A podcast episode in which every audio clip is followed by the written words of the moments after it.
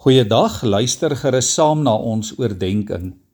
Liewe vriende, heel waarskynlik is almal van ons of ten minste die meeste van ons wat na hierdie boodskap luister, iewers deel van die kerk of van 'n gemeente.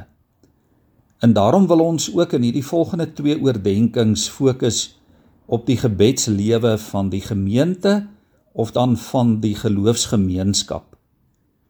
Ons leef in 'n wêreld wat die heeltyd verander.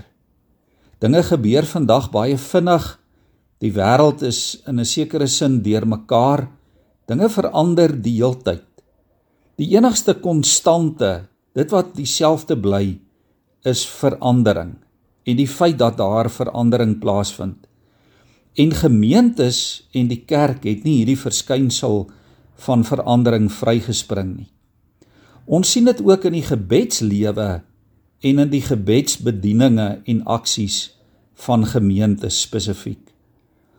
Baie jare terug en die meeste van ons sal dit waarskynlik onthou, was daar spesifieke en gereelde rituele in gemeentes wat die gebedslewe van elke gemeente gerig het.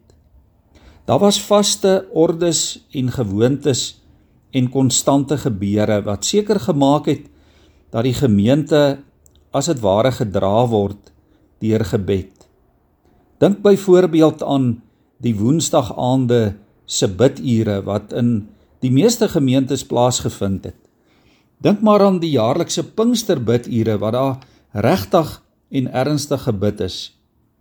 In feitelik elke huis was daar iets soos huisgodsdiens gehou wat gesinne ook op 'n daaglikse basis verenig het bymekaar gebring het rondom die woord van die Here en rondom gebed.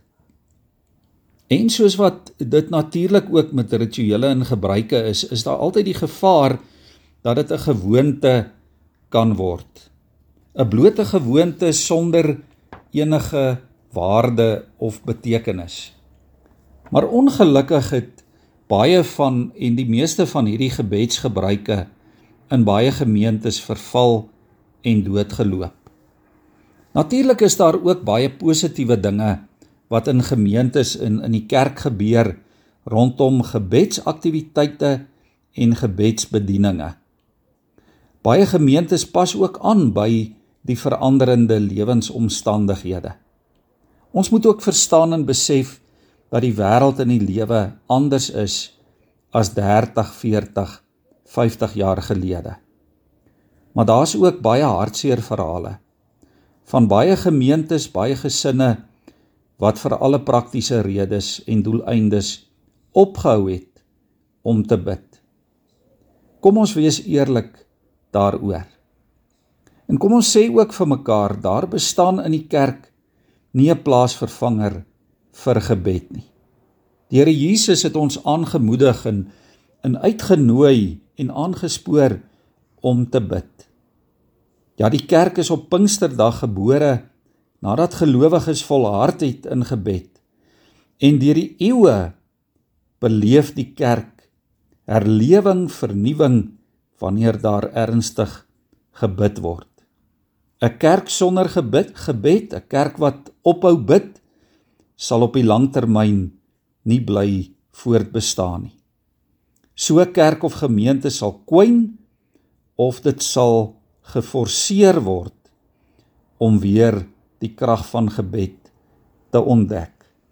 Mag die Here vir ons in hierdie tyd en wêreld help om weer te besef te ontdek hoe belangrik dit is vir die kerk vir elke gemeente om ernstig en toegewyd te bid juis in hierdie tyd en wêreld waarvan ons deel is. In Handelinge 2 vers 43 tot 47 lees ons van daardie eerste gemeentes van die eerste Christene. Hulle het almal elke dag getrou by die tempel bymekaar gekom. Hulle het van huis tot huis die gemeenskaplike maaltyd gehou. Hulle het hulle kos met blydskap en in alle eenvoud geëet en hulle het God geprys. Kom ons buig ons hoofde in gebed voor die Here. Hemelse Vader, ons moet vandag bely dat ons op soveel vlakke ons gebedslewe afskeep. Ja Here, dat ons dit so dikwels en so maklik in ons persoonlike lewe afskeep. Maar Here, ook in ons kollektiewe lewe, in die gemeente, in die kerk, in die geloofsgemeenskap. Here, dat ons in baie opsigte en baie gevalle 'n biddelose kerk geword het. En Here, as ons dit vandag bely, dan weet ons dit gaan nie oor 'n spesifieke kerk of 'n spesifieke gemeente of 'n spesifieke denominasie of 'n kerkgenootskap nie. Here, U roep vir ons as gelowiges, as Christene, elkeen van ons op om te bid. Here, as ons kyk na die wêreld daar buite en ons dink aan omstandighede, dan het hierdie tyd waarin ons lewe toegewyde bidders gelowiges nodig. Elke gelowige in 'n gebeds weermag in hierdie tyd. Here rig vir ons op om ook so weerstand te bied teen die aanslae van hierdie wêreld. Dit is ons gebed. Help ons daarmee. Amen.